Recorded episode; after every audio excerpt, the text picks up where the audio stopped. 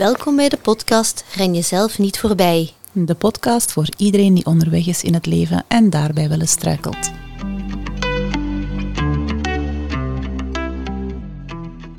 Hey Priska, Hallo, dag Jessica. tijd voor een nieuwe aflevering. Amai, en wat voor een. Ja, ja, want we gaan ons eh, zieltje nog eens op tafel leggen. Ja, nog een keertje. Nog maar eens. Ja, we zijn alive en kicking. Helemaal klaar, of misschien niet, of misschien zullen we dat nooit zijn, voor een aflevering over... Therapie. Ja, Waarom, waarom een aflevering over therapie? Ehm, ja, om dat een beetje in de picture te zetten, Mhm. misschien. Om daar niet flauw over te doen. Mhm. Om te laten weten aan de mensen dat het oké is. Om Ja. op die manier voor jezelf te zorgen. Ja, een mooi bruggetje naar de aflevering van vorige Ah keer. ja, ja, ja. Ik maak al bruggetjes zonder dat ik er zelf Hela. bewust van ben. Ja, ja, dat zijn goed bezig. De cijfers van mensen met psychische problemen zijn echt wel alarmerend. Ja, we hebben daar veel over vernomen tijdens de coronatijd. Hè? Mhm. Die enquêtes die we zelf ook hebben ingevuld en zo. Totdat we die soms een beetje beu waren. Sorry, Cienzano. ik heb een paar keer geskipt. Ja. Maar ja, in het algemeen kunnen we wel zeggen dat ongeveer 1 op de 3 mensen zich wel regelmatig slecht voelt in zijn vel. Oh, dat is veel, hè? Dat is ongelooflijk veel. Ja. En ehm, ja, vlak voor de coronacrisis was er nog een eh, gezondheidsenquête. Eh, die was dan eigenlijk, eh, de, de cijfers waren van 2018, maar die werden dan gepubliceerd in 2020. Mhm. En toen was het ongeveer 10% van de mensen dat leed aan een depressie en 10% van de mensen ongeveer dat last had van angststoornissen. Ja. En die cijfers zijn ongeveer verdubbeld Goh. sinds de coronacrisis. Ja, ja. Dus ongeveer 1 op 5 mensen heeft een depressie en 1 op 5 mensen heeft een angststoornis. Dat is waanzinnig eigenlijk, hè? Ja, dat is eigenlijk heel veel. Dat is gigantisch veel. En ja, dat zie je ook wel terug in de wachtlijsten bij allerlei instanties en, en therapeuten en dergelijke ook, hè? Ja. Ja. Maar ja, therapie, Ja. dat is zo... Ik zei het al, voor sommige mensen wordt dat geassocieerd met een beetje gaan zitten wenen bij een vreemde. Mhm. Het is wel meer dan dat. Misschien moeten we onszelf nog eens een keer kwetsbaar opstellen, zoals dat we Nog een keer. zo vaak gedaan hebben. ja. Maar ik vind het wel belangrijk dat we daar inderdaad niet flauw over ja, doen. tuurlijk. Als je wil sensibiliseren, dan, dan moet je ook een beetje je hart durven openen wel, Ja. denk ik. Zit jij al in therapie geweest? Ja. Oké, vertel eens. Ehm, dat was in 2010. Ehm, de reden waarom, daar hoeven we niet heel erg hard op in te gaan, maar het ging eigenlijk om een soort van ja, situatie binnen het oude kerngezin die heel zwaar was en heel moeilijk en die heel veel jaren toch wel in beslag heeft genomen in die eerste periode, als dat zogezegd wel ja, zo'n beetje ontploft was, kan ik zeggen. Ehm, ja, was dat heel intens. Ehm, ja, ik had daar ook heel veel verdriet van, omdat ik ook dat verdriet bij mijn ouders zag. Ehm, ja, en dat, eh, ja, zelfs nu nog als ik daarover praat, zo, mijn hartslag is echt omhoog aan het gaan. Zo. En eh, het heeft eventjes geduurd bij mezelf voordat ik wel goed besefte van, je moet wel verder. Je moet hier iets aan gaan doen, want dit kan zo niet meer. Dit is te moeilijk, te zwaar om dat hier bij u te houden of bij uw partner.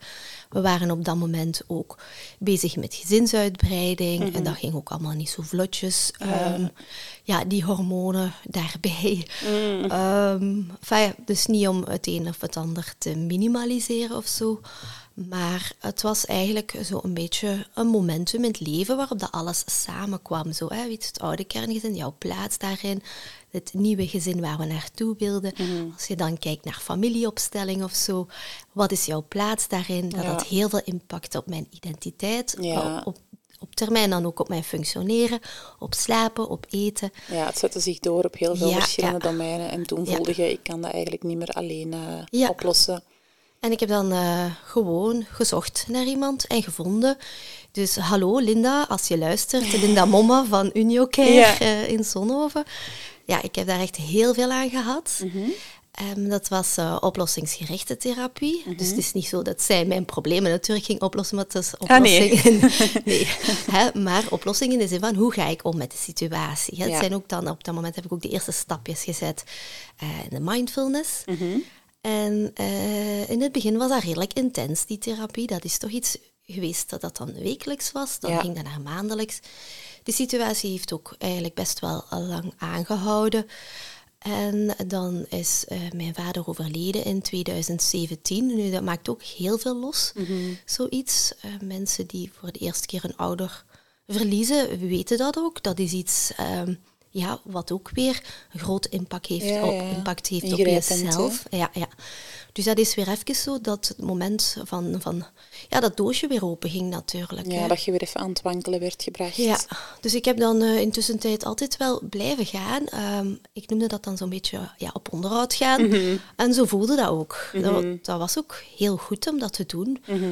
Voor, voor mijn mentaal welzijn. En dan eh, weer terug een beetje meer geweest in 2017. En de laatste keer dan, weet ik nog, in 2018. Ja.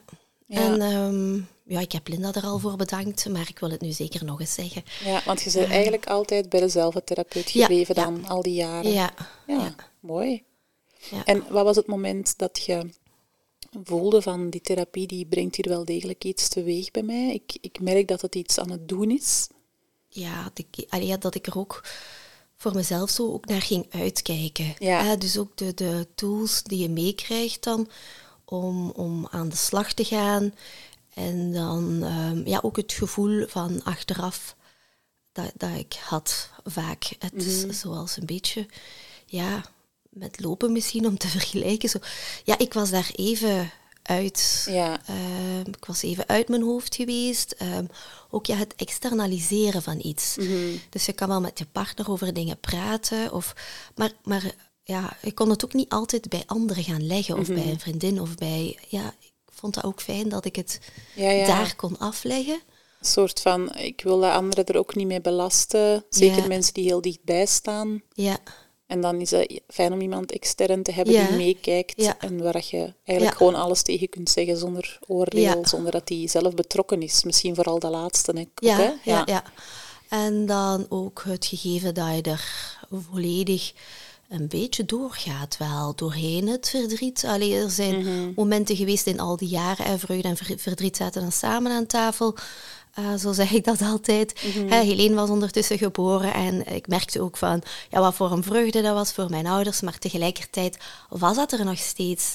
Hè, ehm, om, om dat ook een plaats te kunnen geven, maar je gaat daar zelf als mens door, je gaat dat doorleven, doorvoelen. En, en dat is iets wat toch ja, gewoon zo een meerwaarde heeft om niet altijd te vervallen in die patronen van ja, controlestrategieën of copingstrategieën die niet zo gezond waren. Of, Ja. ja. Ehm, het eigenlijk een beetje doorvoelen. Ja, Dus eigenlijk, als je er juist zei, er zijn een aantal tools die dat ik geleerd heb. Mhm. En zo de, ja, ik zeg dat vaak, hè, we worden niet geboren met een handleiding. En onze ouders die waren ook van een generatie dat die ook maar wat deden. Het is nog maar ja. recent dat er zo wat meer aandacht begint te komen voor mentaal welzijn en hoe je best omgaat met zo'n dingen. Dus eigenlijk heb je daar bij wijze van spreken een soort van handleiding leren schrijven voor jezelf. Ja, ja, dankzij de wel. therapie van Ja. wat werkt in welke context en zo. Om, Ja. om met moeilijke dingen om te gaan in het leven. Ja, en dat die er ook gewoon zijn. Ehm, het is niet zo, alleen, ja, soms gaan mensen vergelijken van, "Goh, hoe erg is het? Ehm, Of wat is er dan eigenlijk gebeurd? Of wat, of hoe, of... Ja, je kan daar eigenlijk, als je, van het moment dat je bewust wordt van jezelf en weet van, het is goed om daarover toch, ja, met iemand te spreken of andere vormen van therapie, want er zijn ook andere vormen van therapie natuurlijk, om daar iets aan te gaan doen, dat is eigenlijk al een stap in de richting van veranderingen. Ja, ja. Dus je bedoelt ook zo'n beetje het gegeven dat soms mensen hun eigen problemen gaan bagatelliseren en, en vergelijken ja, met... Dat ja, had ik heel, heb ik in Ja. het begin lang gehad van, oh ja, iedereen heeft wel iets. Ja, ja. Het is toch niet, doe nu maar gewoon door, Priska. ja, ja, die toxische niet- positiviteit die je al ja. aanhaalde. Moet je daar nu voor allee, Ja. naar de psycholoog gaan? Ja, ja. Een klein Zeg. beetje verwijtend Ja, naar jezelf toe en oordelend. Ja, ja. Maar ja, de eerste keer dat ik dan was geweest, dan dacht ik, ja, hier moet ik toch wel mee verder. Het was precies toch nodig. Het was een match, ja. Ja, fijn. Ja, goed dat je dat, Ja. dat je dat hebt gedaan en dat je er ook zoveel aan gehad hebt. Mhm. Ja, ja ik, eh, ik heb ook wel wat therapiewatertjes doorzwommen. Ja, Ik, vertel. eh, ja, ik ben al ik ben in therapie geweest eh, in 2006, dus toen was ik nog maar 24. ja. Ehm, ik heb daar in vorige afleveringen wel al wat over gedeeld. Ik heb nogal een problematische thuissituatie gehad met een moeder die psychisch niet oké was. Daardoor, onder andere daardoor en door een aantal andere factoren, heb ik een eetstoornis ontwikkeld toen ik 14, 15 was. Maar dus eigenlijk heeft het nog bijna tien jaar geduurd dat ik er volop nog in zat, eer ik hulp ben gaan zoeken. ja. En de eerste therapeut bij wie ik terecht ben gekomen, was eigenlijk iemand op aanraden van een, een vriendin via via zo'n beetje. En daar heb ik dan wel al wat aan gehad. Maar toch ben ik zo in de jaren daarna nog blijven zoeken en ben ik toch nog bij een aantal andere therapeuten terechtgekomen. Ja. En zo na verloop van tijd, ook omdat mijn context veranderde, want ik heb dan eh, mijn man leren kennen. En, Ja. en ondertussen had ik dan ook het contact met mijn moeder volledig verbroken. Die dingen allemaal samen hebben ervoor gezorgd dat ik ja, zo tegen 2011, 2012 of zo wel op een stabiele plek terecht was gekomen. Ja, ja. En dan ben ik heel lang niet meer in therapie geweest. En dan in 2016 is mijn zoon geboren. Ehm, maar dat was ook niet evident, want dat is heel eh, traumatisch verlopen, die geboorte. Ehm, ik, ben, ik ben bevallen ehm, met een keizersnee onder volledige narcose, omdat ze eigenlijk dachten dat hij al gestorven was in mijn buik. En ja, dat was heel ingrijpend, dat was heel eng. En alles is uiteindelijk goed gekomen, maar mijn lichaam is wel in een soort van eh ja, traumastaat blijven hangen. Ja. Dus ik heb, ik heb het nog heel lang heel moeilijk gehad. Hij, hij huilde ook heel veel. Hij had ook wel wat medische probleempjes in het begin. En ik kon, dat gewoon, ik kon daar niet mee om. Ik wist gewoon echt even niet meer hoe ik daardoor moest geraken. ja. En dan bleek ook dat ik een posttraumatische stressstoornis Ah, ja. had door eh, wat er daar gebeurd is, gecombineerd eigenlijk ook met depressie. ja. Dus dat was toch wel even complex. Uh, ben ik ook op zoek gegaan naar een therapeut, eerst doorverwezen door ehm, de huisdokter naar iemand. Maar dat was niet echt een match. Uh, ik vond dat heel moeilijk, want ik zat op dat moment heel hard met het verdriet rond de geboorte van mijn zoon, maar die vrouw bleef maar ingaan op de relatie met mijn moeder. Ah, En ik had toen ja. zoiets van, ja, maar ik heb echt wel het gevoel dat dat achter de rug is. Ja, daar had je dan eerder al afgesloten Ja, ik had het gevoel van, dat, dat speelt toch niet meer. Waarom dan elke keer opnieuw Ja. daarover beginnen? En dan ben ik bij Linda Momme terechtgekomen, Ah, ja, ja. die ook EMDR-therapie doet, Ah, ja. specifiek voor trauma.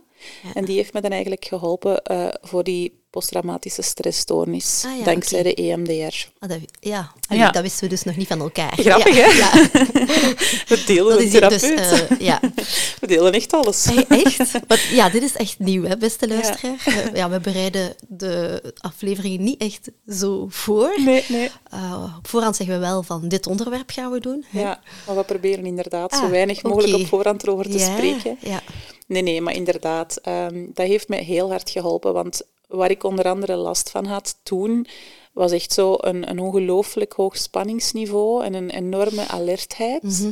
En elk klein kiksje dat mijn zoon gaf, was voor mij een aanleiding om volledig overspoeld te geraken. Ah, ja. Ik had ook heel veel last van intrusies. Dus dat betekent dat, dat ik herbeleefde wat er daar is gebeurd op die operatietafel. Oh, het ik krijg moment er kippenvel van. Kijk. ja. Ehm, maar ja, dat was, dat was zo ingrijpend en, en ik herbeleefde dat heel vaak opnieuw. Ik, ik, begof- ik bevond mij echt zo terug op die, op die kamer in het operatiekwartier en, en hoe dat ze mij dan vastbonden aan dat bed en onder narcose brachten. En dan zo het moment dat ik op de... ah ja, lag dan in een couveuse. En jij wist op voorhand, hadden ze gezegd van Ehm, wat er gaande was? Ja, dus ik, ik ben eigenlijk in, in de verloskamer terechtgekomen ehm, en ik moest een urinestaaltje afleveren. En op het moment dat ik naar de wc ging, zag ik de navelstreng Ah, uit ja, mij ja. bengelen, wat dan niet de bedoeling is. En dan hebben ze mij hals over kop op een bed gegooid en zijn ze beginnen lopen naar het operatiekwartier. Tien minuten later was hij er al uit, dus dat was echt wel heel, ja, heel dringend. die angst ben jij in slaap gedaan. Hè? Ja, Dus eigenlijk de laatste gevoel- woorden die ik mij zo herinner, was dat de, de gynaecoloog zei, ik voel geen pulsatie en de navelstreng is koud. En eigenlijk ging ik er toen vanuit dat het ja, niet in orde was. En uiteindelijk was dat wel zo. Ja. Ik ben ehm, uit narcose gekomen en ja, er werd mij verteld, alles is in orde. En dat was heel raar, want mijn hoofd had eigenlijk Ja. al beslist, ik ga zonder kind naar huis. Shit, wat is dit? Wat, wat overkomt mij hier? En ehm, toen ik dan bij hem terecht kwam, eh, bij de couveuse, ja, voelde dat heel vreemd. En had ik zoiets van, dat kan niet. En ze kunnen bij, bij wijze van spreken eender welk kind aanwijzen. Is dit dan mijn kind? Blijkbaar. Ja, dat Ja. gevoel, die connectie was even weg. Maar je ziet, Ja, het is... ja. zelfs na alle therapie is dat nog altijd een gevoelig onderwerp. Maar ik vind dat ook oké. En ik heb lang eigenlijk ehm, dat niet oké gevonden dat het mij nog zo raakte. Dat ik zo Ja. dacht van, maar allee, ik heb nu al zoveel therapie gehad. Ja. Waarom blijft dat mij nog zo raken? En ook wel een beetje door mijn omgeving. Ik heb heel veel reacties gekregen van mensen die zeiden... Maar allee, het is nu toch gepasseerd. Alles is toch goed gekomen. Wees nu toch gewoon blij. Ja, Maar dat, dat ging niet. ja. Ik zat echt daar zodanig in. En, en ik heb daar eigenlijk achteraf pas ehm, in mijn postgraduaat tot, tot contextueel gedragstherapeut hebben wij ook heel veel eh, over zelfcompassie, maar ook over de rol van uw zenuwstelsel. Mhm. En eigenlijk geleerd dat uw zenuwstelsel instaat voor het detecteren van, van gevaar, voor dreiging. Ja, ja. En dat ehm, uw zenuwstelsel veel sneller reageert op prikkels dan dat uw rationeel brein dat doet. Ja, Je gaat veel sneller ehm, gevaar detecteren dan dat je rationeel kunt bedenken, oh, het is niet nodig, het is oké. ja, ja, ja. En, en sommige dingen zijn nog altijd triggerend. Als ik weet dat een vriendin bijvoorbeeld gaat bevallen, dan Ja. heb ik het heel moeilijk. Dan ben ik bang. ja. Oprecht bang. En als ik hoor dat mensen besluiten van thuis te bevallen, dan denk ik, zot, jij weet niet wat er allemaal mis kan lopen. Terwijl, ja, dat gebeurt, dat is super zeldzaam, hè, wat ik heb meegemaakt. Dat gebeurt bijna bij niemand, maar bon, we hebben het wel meegemaakt. Ja. Ehm, en ik, heb- ik heb eigenlijk door die laatste ehm, ja, opleiding ook wel een beetje leren accepteren dat dat mij nog altijd raakt, dat dat nog altijd iets Ja. is wat gevoelig ligt. En oké, alles is goed gekomen. En ik mag erkennen dat dat voor mij ongelooflijk angstaanjagend was en eng was. En Ja. dat ik dat moment waarschijnlijk nooit ga vergeten. Ja. De beide kunnen aanwezig zijn. Hè? Ja. En dat is wat we soms denken. We gaan doorheen ja, dat stukje lijden dat we hebben meegemaakt, Mhm. toch? En we keren dat de rug toe, maar dat mogen we niet doen. Alleen het blijft onderdeel van Ja, ons leven. ja, ja. Het is er niet van wegwandelen. Hè? Nee, het, is klopt. er, is er, ja, het blijft er bij jou. Mhm. Ja. Ja. En, en ik, ben, allee, maar ik ben dan eigenlijk in mijn postgraduaat zelf ook nog in therapie geweest. En eigenlijk heeft daar zo'n beetje, is daar zo wat de full circle gekomen. Hè. Dat was dan ex-therapie Ah, natuurlijk, omdat ik eh, daar aan het studeren was ook. En, en daar zijn zo wel de linken gelegd van... Weet je, wat ik heb meegemaakt is, is heel eng en dat gaat waarschijnlijk op veel mensen wel impact hebben gehad. Mhm. Maar dat is waarschijnlijk op mij wel harder aangekomen, net omdat ik al zo'n voorgeschiedenis had Ja, van ja. heel veel trauma in mijn jeugd. Ja. En mijn zenuwstelsel stond al veel fijngevoeliger afgesteld op dreiging en, en prikkels, die dan mogelijk eh, ja, een teken konden zijn van, van onveiligheid. Ja. Waardoor dat, dat gewoon bij mij wat harder geland is waarschijnlijk. Ja. En dat zo... Dan snap ik ook wel een beetje waarom die ene therapeut zo vaak over de relatie met mijn moeder Ja, begon. Omdat ja. dat, ik dacht wel dat ik dat verwerkt had, maar dat Dan was is- ook wel niet helemaal zo. Ja. En, en de vraag Ja. is ook, wat is verwerken? Hè? Ja, ja, dat is waar. Wat ja. is dat dan? En maar op dat moment was dat misschien... Hè, je moet ook kijken naar het moment. Ja. Hè, toen zij dat dan deed, die therapie, was een ander moment als daarna weer. Ja, Ehm, ja, dan komt ook weer die familieopstelling kijken Mhm. natuurlijk. Eh, vaak heeft dat toch wel wat impact. Hè. ja, ja. Ja, ja. ja dus allee, ik heb heel veel gehad aan de meeste therapieën die ik gehad Ja. heb. Aan sommige wat minder en dan ben ik daar vaak ook niet zo lang in therapie gebleven. Mhm. Maar uiteindelijk leert je altijd wel dingen bij over jezelf, over de situatie, Ja, over ja. hoe je met bepaalde dingen kunt omgaan. Tools, zoals dat je dat zegt ja. inderdaad. En soms denk je zo van, ja, er, zijn wel... eh, We geven zelf ook heel veel tools en de tips en tricks wel Mhm. mee. dat zijn dan uh, kleine handvaatjes die we meegeven aan de mensen. Maar hè, dat is korte termijn. Je moet ook denken aan de lange termijn. Ik zeg het soms ook tegen de cliënten van wat we nu doen, is eigenlijk dit moment aanpakken. Het is een klein beetje symptoombestrijding, maar we moeten ook een beetje naar de oorzaak gaan. Ja, en dan ga je soms naar, naar waar de pijn echt zit, naar de mhm. kern. Mm Maar dat wil niet zeggen dat je niet moet blijven inzetten op de dingen die je wel op dagelijkse basis kunnen helpen. Hè? Als bewegen, journalmomentje, weet ik veel, eens lekker dansen op muziek. Doe dat gewoon. Hè? Ja. ja, er zijn soms dingen, ik zeg dat, soms je kunt je stemming wel beïnvloeden. Mhm. Maar zo echt het dieper liggende patroon, dat dient je dikwijls wel inderdaad ja, ook aan te pakken. want anders gaat je elke keer opnieuw die stemming moeten proberen te beïnvloeden. Dat is ongelooflijk vermoeiend. Dat is heel, heel zwaar. Ja, Daar mhm. gaat veel te veel energie naartoe hè, dan.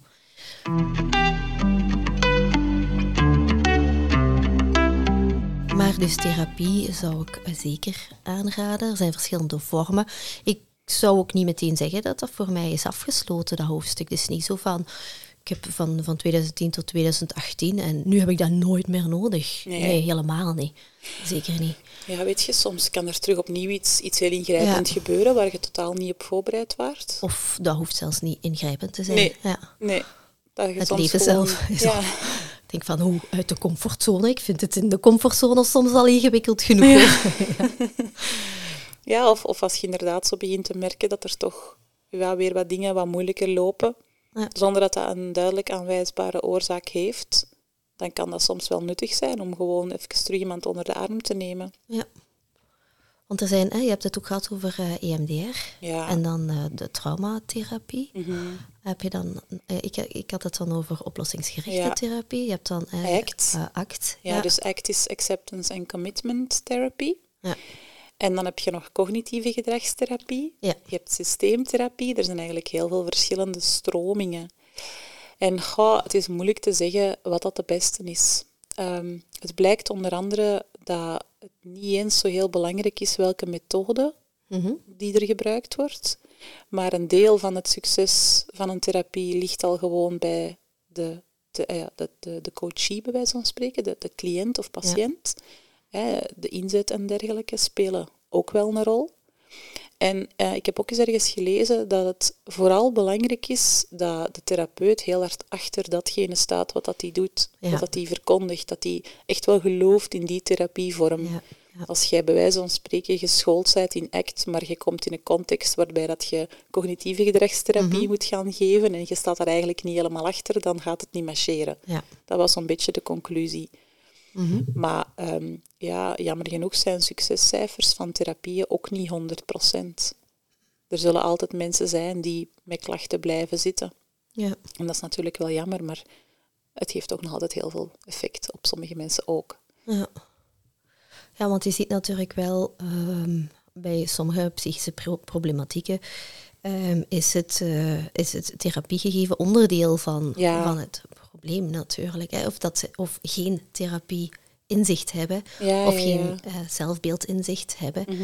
eh, onderdeel van, van de kwestie. Dus ik denk van het moment dat je eigenlijk de stap al maakt, ja. ik wil niet zeggen dat je er dan al bent, hè, nee, nee. maar dat is wel de belangrijkste. Ja, ja. En het kan, ook, het, kan ook gecombineerd worden met bijvoorbeeld medicatie. Mhm. Eh, ik heb dat zelf ook even nodig gehad in die periode met mijn zoon, dat, dat het zo moeilijk was. Dat Zelfs hele kleine taakjes, zoals de wasmachine uitladen bijvoorbeeld, was echt gewoon onoverkomelijk. En, en ja, dat ging gewoon echt niet meer. Ja. En dan heb ik wel een tijdje antidepressiva genomen en ik heb dat ook wel afgebouwd op het moment dat ik begon te merken dat het beter ging. Maar ik vind dat ook wel oké dat zo'n dingen bestaan. Het is goed dat die bestaan. Ja. Soms hebben mensen dat zelfs heel hun leven nodig. Als er een bepaalde disbalans is in een aantal eh, neurotransmitters bijvoorbeeld, dan kan dat zijn dat je dat heel je leven gaat nodig hebben. Ja. Goed dat het bestaat, maar ik vind wel dat daar in het algemeen iets te vaak naar gegrepen wordt en dat er soms te weinig aandacht is ook voor de therapie. Ja. Dat sommige mensen bij wijze van spreken naar huis gestuurd worden met een pilletje in plaats van ook inderdaad te gaan kijken naar, naar een, een langdurige oplossing in de vorm van therapie. Ja, want dat is wel zo. Hè. Voor België, ik denk dat wij de hoogste innemers zijn, of hoe zeg je zoiets? Slikkers. De, slikkers van, van de benzo's, dat we daar goed... Het is eh, van van alle, ja, ah, ja, allerlei medicaties scoren we helaas heel hoog. Maar we scoren ook heel hoog op het vlak van suïcide. Ik denk, um, ik had even gekeken naar de cijfers en uh, zelfs bij vrouwen staan we zelfs bovenaan in Europa van het aantal suïcidepogingen ja. en ja. effectief gelukte pogingen. Ja, dat, dat is waanzin. Ja, dat is uh, eigenlijk iets ja, hallucinant om toch? even bij stil te staan. Ja. Nu, therapie is duur. Mm -hmm. Dat is een van de grote problemen, denk ik. Behalve het feit dat er vaak wachtlijsten zijn, is het ook gewoon, ja, toch wel een hap uit het budget. Ja. En zeker in deze tijden niet voor iedereen weggelegd. Um, er zijn wel mutualiteiten die tegemoetkomingen doen. En er zijn ook wel meer en meer systemen waarbij dat je minder betaalt, maar dat is nog niet wijd verspreid en nog niet bij alle therapeuten. En allee, het is een specifiek systeem. Ja, het is ook een beetje een drempel hè, voor mensen om, allee, degenen die het echt nodig hebben, ja. om dan uh, toch te kiezen voor die therapie inderdaad. Ja. Er zijn wel um, andere alternatieven. Hè? Er zijn nog wel eventuele extra mogelijkheden. Je hebt onder andere teleonthaal, waar je gratis naar kunt bellen als je nood hebt aan contact bijvoorbeeld. Ja. Je hebt de zelfmoordlijn ja, waar je 1813 is dat. Ja. Um, je hebt de CGG's, Centrum voor Geestelijke mm -hmm. Gezondheidszorg. Dat is ook veel betaalbaarder, maar jammer genoeg ook daar hele lange wachtlijsten vaak. Ja. Maar het kan wel de moeite lonen als je toch in therapie wilt en je merkt dat het ja, budgetair een, een moeilijke kwestie is van je daar op de wachtlijst te zetten. En dan bestaan er tegenwoordig ook wel zo buddy-systemen waarbij dat je als je psychische moeilijkheden hebt en je, je dreigt geïsoleerd te geraken, en zo het verhaal wat je er juist zei, van ja, je wilt dat ook niet altijd bij vriendinnen bijvoorbeeld neerleggen, Ja, ja. dan bestaan er uh, initiatieven waarbij dat je een buddy krijgt die Ah, een vrijwilliger is, Ja. waarmee dat je ook kunt praten. Je hebt ook wel wat zelfhulpgroepen, meer en meer. Bijvoorbeeld mensen die worstelen met een eetstoornis, is er ANBN. Um, ja, dat soort initiatieven Mhm. kunnen we natuurlijk alleen maar toejuichen als, als tijdelijke oplossing of, of naast therapie. Ja. Als je ook al in therapie bent, dat je dat is ook dat. nog hebt. Dat het Ja. niet alleen de therapie is, want dat is dan vaak inderdaad één uurtje per week of om de twee weken. Maar er blijven nog heel veel extra uren over, hè, Ja, waar je er mogelijk alleen voor staat. En dan kan het wel helpen om, om in zo'n soort systeem te stappen. Ja, want dat is iets hè, binnen, binnen therapie, dat, dat werkt ook eh, heel sterk binnen dat uur. En daar is dan een golfeffect van. Maar dan opeens sta je terug weer in dat leven, in die situatie, in de waan van de dag. En dan is het nog vijf dagen voordat je de volgende keer kan gaan. Of soms is, zit er veertien dagen tussen. Of is het... En dat denk ik dat dat soms wel, wel moeilijk is op een moment dat je het echt heel erg nodig hebt als je er al bent. Hè? Als je al de kans hebt gekregen om ergens binnen te geraken en Ja, dat je het ook financieel kan dragen. Ja, dat is iets wat ik zelf ook merk bij mij in de praktijk. Als ik, als ik cliënten begeleid, waar Ja. toch wel wat eetstoornissen of eetmoeilijkheden, hoe dat je het ook wilt noemen. Ja. Ehm, vaak gebeurt er inderdaad van alles hier in de, in de therapieruimte of ja, hè, mijn praktijk. Maar dan komen ze in het echte leven terecht. Ja.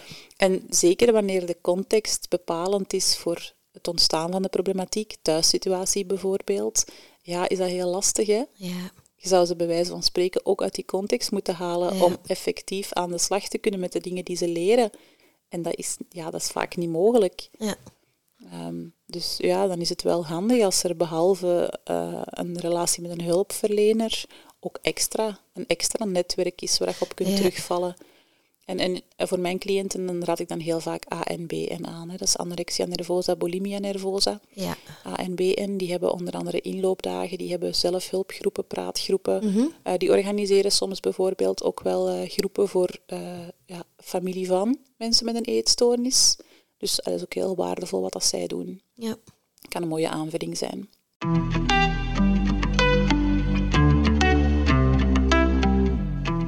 Maar het blijft wel een ding op zich, hè? het in therapie gaan. Ja, voor sommige mensen die zou ook zo, ik ben toch niet gek, moet ik in therapie? Zich, ja, die stellen zich daar zo van die dwangbuizen en isolatiekamers en zo direct bij voor of zo.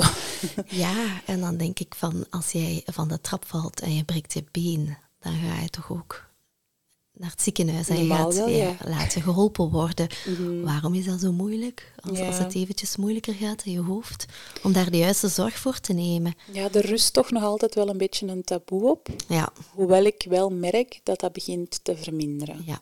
Er zijn nog wel een aantal tv-programma's ook geweest. Ja, ja. Onder andere taboe. Ja, taboe, out of office, therapie. Het, het therapie ehm, in mijn hoofd of zoiets is er ook een tijdje geleden Mhm. Een één of twee afleveringen geweest. Patiënt Pedro, Ah ja, ja. ook heel mooi. ja. Ehm, om inderdaad ja, die drempel te verlagen. ja. En zo'n Ehm, beetje, ook eh, de podcast Wat is er mis met mij? Met de Maite Goossens. Ja. Een hele mooie podcast met Wilfried van Kraan. mhm. Even wat reclame maken. Hopelijk doen zij dat ook voor ons. Met mooie muziek ertussen. Ja. Nee, maar het is wel goed hè, dat dat stilletjes aan wat, wat toegankelijker begint te worden qua, qua drempel. Ik moet nu geval. zelf ook wel een beetje bekennen, Jessica, dat ik dat ook niet zo echt van de daken heb geschreeuwd. Dat ik dan naar Linda Nee. ging. Maar ja, kijk, nu weet iedereen het. Ehm, als het ter sprake kwam of, kwam, eh, of zo, heb ik het wel niet uit de weg gegaan. Eh, maar ik ben er ook niet zo bewust over begonnen of zo. Mhm. Nee, dat nu wel niet. Nee. Ja, daar zit toch ergens nog een soort van schaamte. Hè? Mhm. Er is iets mis met mij. ja. Waarom moet ik in therapie? Maar ik zie dat nu eigenlijk zo niet meer. Of ik zie het zo niet, als ik zal het zo zeggen. Mhm. Ja. Ja, ik, ik- en ik hoor dat ook in mijn omgeving meer en meer. Ik heb ook meer en meer vriendinnen en dergelijke Ja. die in therapie gaan. Hè, bijvoorbeeld ook relatietherapie is ook iets Ja, waar we ja. soms horen van vrienden dat, dat dat wel kan helpen. ja, en dan krijg je meteen zo reacties. Allee zeg, die is een relatietherapie. Allee nu. En dan denk ik, wauw, hoe mooi is dat eigenlijk? Ja. Want die willen net voor elkaar kiezen en Ja. ervoor gaan. En anderen reageren daar dan op van, ja, dat zal wel de laatste strohalm zijn dan. Mm, Terwijl dat kan al vele fases eerder zijn. Dat is niet meteen de laatste strohalm. Het is eigenlijk kiezen voor verbinding. Ja, eigenlijk maak je daarmee inderdaad ook wel aan je partner duidelijk van ik, ik vind ja, u de moeite waard om genoeg te werken. om, om moeite te te doen, voor dit ja. huwelijk of deze relatie Ja. ehm, te redden wanneer we merken dat er barstjes komen in de Mhm. band tussen ons. Dus ja, kunnen we ook alleen maar aanmoedigen. Ja. Ja, en ik heb zo'n tip eh, meegepikt van iemand ehm, die eh, relatietherapie ging. En eh, dat is om dus maandelijks of wekelijks een date te doen met je eigen partner. En dat heb ik even gepikt. En dat doen we nu voor 2023. Het is februari. En we hebben er al twee gehad. Dus Mooi, je zit op het ja, schema. Ja, ja, ja. Dus ehm, ja, er zijn zo veel van die dingetjes die je misschien ergens wel kan meepikken. Een podcast luisteren, een boek lezen. Mhm. ehm, om toch voor jezelf te zorgen. En als het echt niet gaat, kan je natuurlijk kiezen voor therapie. Maar wacht niet te lang. Het is niet als het echt niet gaat. Hè. Ik mag me niet verkeerd uitdrukken. Hè. Ja, Nee, ik, denk wacht niet te lang. inderdaad, ik denk inderdaad dat het goed is dat... Ik heb onlangs in, in dat programma van Patiënt Pedro, ehm, was er iemand die hij interviewde, ik weet niet meer wie, ook een bekende Vlaming, die zei van eigenlijk zou iedereen dat zo eens een keer moeten doen. Echt iedereen zou al eens een keer een tijdje in therapie best Ja, gaan. Maar dan vraag ik me toch af, zo, is er dan iets mis met onze maatschappij als dat zo hard Ehm, nodig is? Allee, ik bedoel, is het dan geen maatschappelijke, culturele erfenis die wij meekrijgen? Als ik hoor dat zoveel mensen nu zich zo slecht in hun vel voelen, eh, dat is toch niet enkel maar vanuit de persoon of, de, of het individu. Is, dat is toch ook Ja. contextueel dan? Ik denk, dat er, Ja. ik denk dat dat twee dingen zijn. Je hebt, je hebt enerzijds zo, en een keer we terug naar onze grot.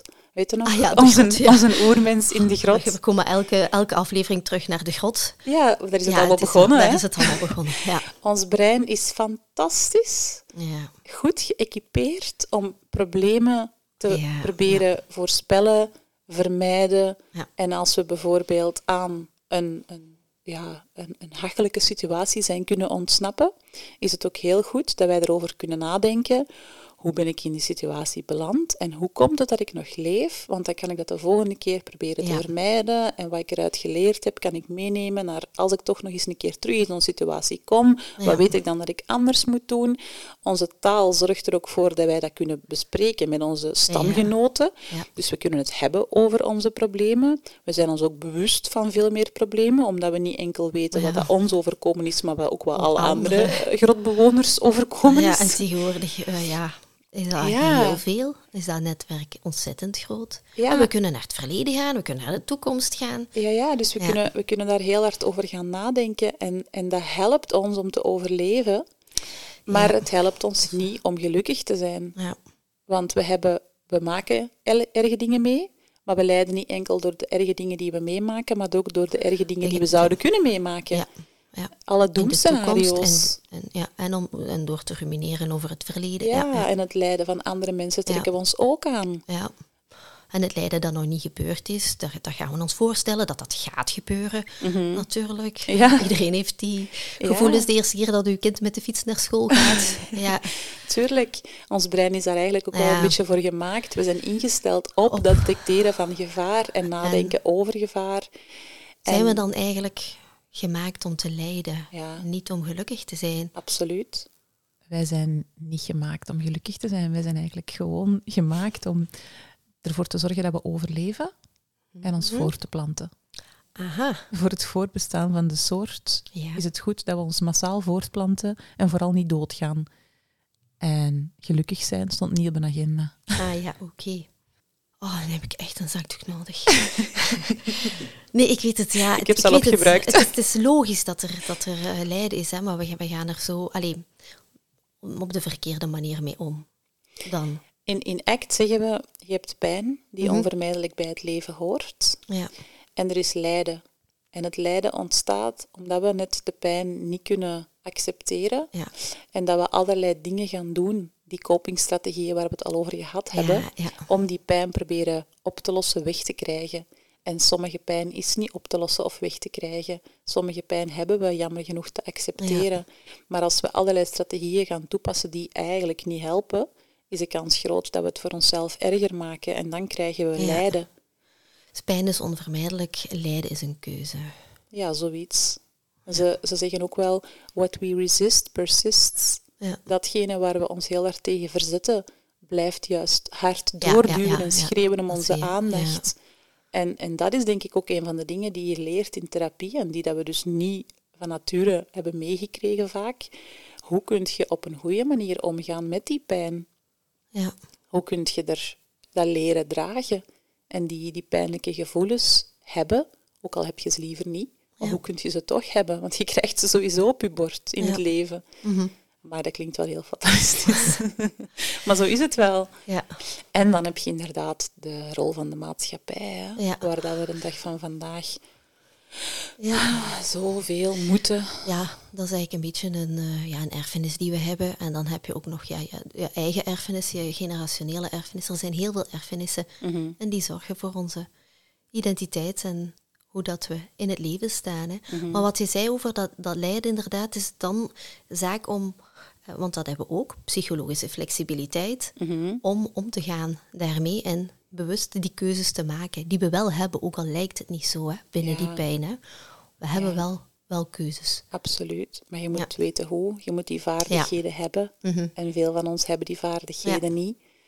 We komen echt wel uit een generatie waarbij dat als wij als baby geboren werden en we waren overstuur, in plaats van dat onze ouders ons dichtbij zich hielden en troosten en hè, wat dat we noemen co-reguleren, dankzij Ja. hun zenuwstelsel, ons zenuwstelsel Ja. leren dat de situatie veilig was, ja, dat was er vaak gewoon niet bij. Hè. In die Ja. tijd was het van, leg ze maar in hun bedje, laat ze wenen, dat is goed voor de Ja, longstjes. ja. Maar dat is gewoon, eigenlijk word je dan al getraumatiseerd. Mhm. Want je leert op dat moment, een baby kan zichzelf niet reguleren. Nee. En dat raakt eigenlijk dan op dat moment al ontregeld. Ehm, en dan zo de, de hele generatie van, hè, doe maar door, zoals Ja. je er juist zelf ook benoemde. Ja, zo Doe niet dat. flauw, niet wenen. Ja. Oh, ik hoor dat soms zo. Jongens, zeg, niet wenen, hè. je bent toch geen meisje? Ja. Ja. ja, ja, daar begint het eigenlijk al. Ja. En dan, hè, inderdaad een maatschappij waarin dat we heel veel moeten, dat er heel veel druk is, waarbij dat we inderdaad een ongelooflijk netwerk hebben en dus alles van iedereen zien. Ja. Ja. Want uh, blijkbaar, uh, dat is interessant nu dat je zo zegt van, uh, van dat kindje en dat huilen. Maar voor je zevende levensjaar zit eigenlijk alles al in u. Mm -mm. Um, dus alles, hè? al uw patronen, uw geloofsovertuigingen, alles wat dat je ja, nog, zelfs nog wat er nog gaat komen. Um, wat dat eigenlijk de, de dingen zijn die via uw ouders, Mm -hmm. via hè, die, die generatie eigenlijk, op u werden ja, hoe zal ik zeggen, geprojecteerd Ja. voor je zevende. En dan zitten we natuurlijk in dat gezin, wat logisch is. We groeien daar verder op. Wordt, wordt alles nog eens, die hele conditionering nog eens bevestigd. Ja. Als je dan als puber of jongvolwassene probeert om je ergens aan te onttrekken, ja, dat is kei moeilijk. Hè? Ik bedoel, dat zit er eigenlijk allemaal al, al in. Hè? Ja, ja. En vaak kan je die patronen gewoon zo terugzien ja, van generatie op, op generatie ook. Hè. Doe daar dan nog dat sausje uh, over van uh, ja, de, de tijd waarin dat wij leven. Mhm. Um, ja, je krijgt natuurlijk een hele ja, complexe samenleving en complexe identiteiten ook. Hè. Mhm. Ja. Maar ik denk dat dat ook... Ik heb, ik heb zelf bijvoorbeeld lang getwijfeld om kinderen te krijgen. Omdat ik echt dacht van, ja, hoe dan? Ik heb helemaal geen goed voorbeeld gezien thuis bij mijn eigen moeder. Ga Ja. ik dat wel kunnen? Ja. En dat therapie mij ook wel heeft doen beseffen van, ik kan inderdaad een keuze hebben om andere dingen te gaan doen. Ja. En, en het stopt hier. Ja. Ik wil dat niet verder zetten, dat intergenerationeel trauma. Ja, ja. Want mijn moeder heeft ook trauma's, ja, daar ben het is meer dan van. een erfenis. Hè. Ja, Uh, ja, no, ik heb het zo erfenis genoemd, maar hè, vaak zijn het inderdaad generationele trauma's. Hè. mhm, mhm. Ja. Maar het kan dus, hè. Je- je hoeft die patronen inderdaad niet te bevestigen. Ja. nee, nee. Maar en tegelijkertijd, zelfs met de beste wil van de wereld, kun je niet voorkomen dat je kinderen het moeilijk gaan hebben, bijvoorbeeld ook niet. Ja, dus ik heb soms zo eh, dat gevoel dat je dan zo hebt van, oh, wat heb ik nu gedaan? Nee, god ja, dit gaat later ergens terugkomen of zo, want... eh, Als mijn kind in Oh, ik therapie gaat, ja, wordt dit benoemd. dus, ja, Hier is oké, het gebeurd. ja. Ja. Dat is niet zo'n goed voorbeeld. Ja. Eh, heb ik er zo eentje? Ja, iedereen heeft er wel waarschijnlijk. eh, of gewoon zo zeggen, omdat ik het zeg. Oh ja. Waar- waarom moet ik gaan slapen? Ik ben nog niet moe. Omdat ik het zeg. Ja. ja, dat kun je niet vermijden. Maar zelfs als je dat zelf niet doet, je bent niet- niet de enige persoon, hè. je bent niet de enige eh volwassene in het leven van, van je kind. En ook anderen hebben invloeden, Ja. leerkrachten, leeftijdsgenootjes. Ja, We kunnen onze kinderen niet behoeden voor die pijn die bij het leven hoort. Maar we kunnen ze wel beter leren hoe ze daarmee kunnen omgaan. Ja, ja. En als we dat zelf niet goed weten, als we dat zelf niet goed kunnen, ook daar hulp bij te zoeken. ja. Via een, een jongere kindercoach of therapeut bijvoorbeeld. Ja. Want eh, ja, binnenkort eh, zit ik ook met een puber in huis. En dat begint zo al eh, pre-puberaal te borrelen, zal ik zeggen, op dit Good moment. luck. Ja, dus ook wel interessant. Ik hoor van de vriendinnen die oudere kinderen hebben, hoe, ehm, ja, hoe zal ik zeggen, avontuurlijk dat dat is. Zo, Ja. zo mooi gezegd. Dus ja, kijk weer uit naar een nieuwe fase in het leven. Het is misschien iets om ook eens een podcast over te maken, hè? Ja, Voor de luisterende mama's die al wat oudere kindjes hebben. goed plan. Ja, Dus ja, ik denk dat we misschien kunnen afronden met de boodschap. Blijf goed voor jezelf zorgen. Zeker. Zoek hulp wanneer je merkt dat je ja, daar wel wat hulp bij kunt gebruiken. Mhm. En Wacht ondertussen ren jezelf niet voorbij. Hè. ja. Doei. Dag.